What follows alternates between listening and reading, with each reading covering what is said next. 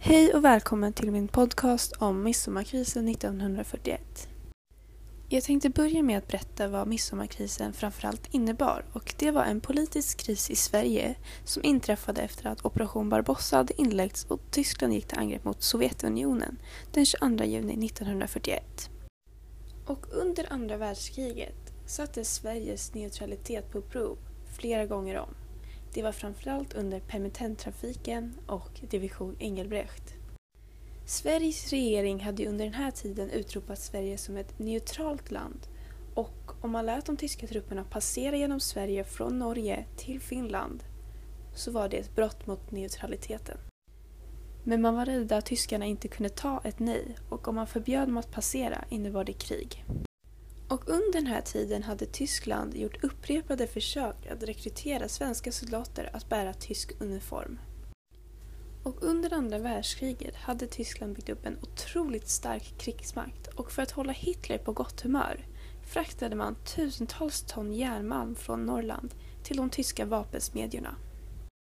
Detta var ju såklart också en brist i neutraliteten och det var engelsmännen som producerade allra mest bland de allierade och Sverige fick under den här tiden mycket kritik över dess ställning. Och mellan 1939 till 1945 vidtog Sverige krigsåtgärder. En upprustning krävdes. Mellan 150 000 till 200 man fanns att rekrytera.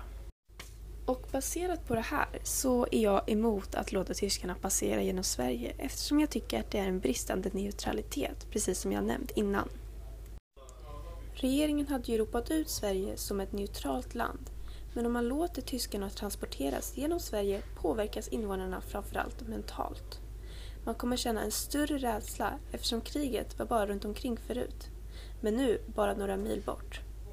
Jag tror att invånarna skulle känna en brist på lojalitet mot den svenska regeringen. Dessutom har Hitler genomfört brutala och framförallt omänskliga handlingar som grundar sig i mitt beslut att det är omoraliskt att låta dem passera.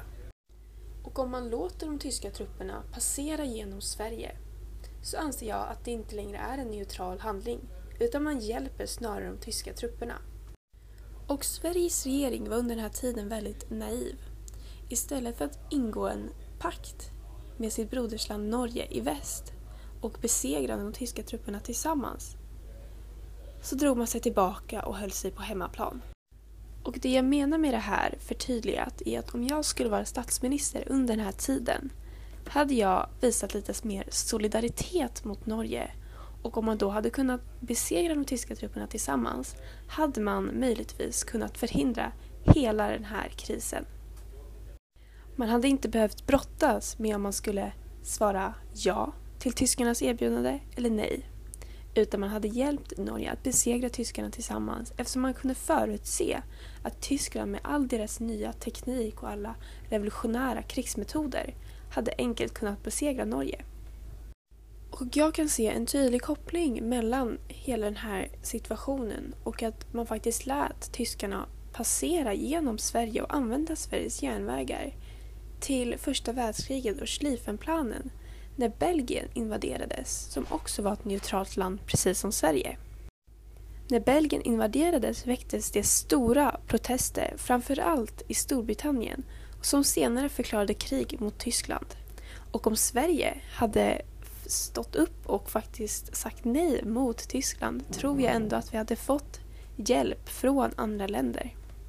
Och Sverige är faktiskt ett av få länder i Europa som inte krigat eller varit inblandade i krig på ungefär 100 år. Vad blev då konsekvenserna? Och hur drabbades Sverige på kort sikt och lång sikt? Vad blev följderna av den här krisen?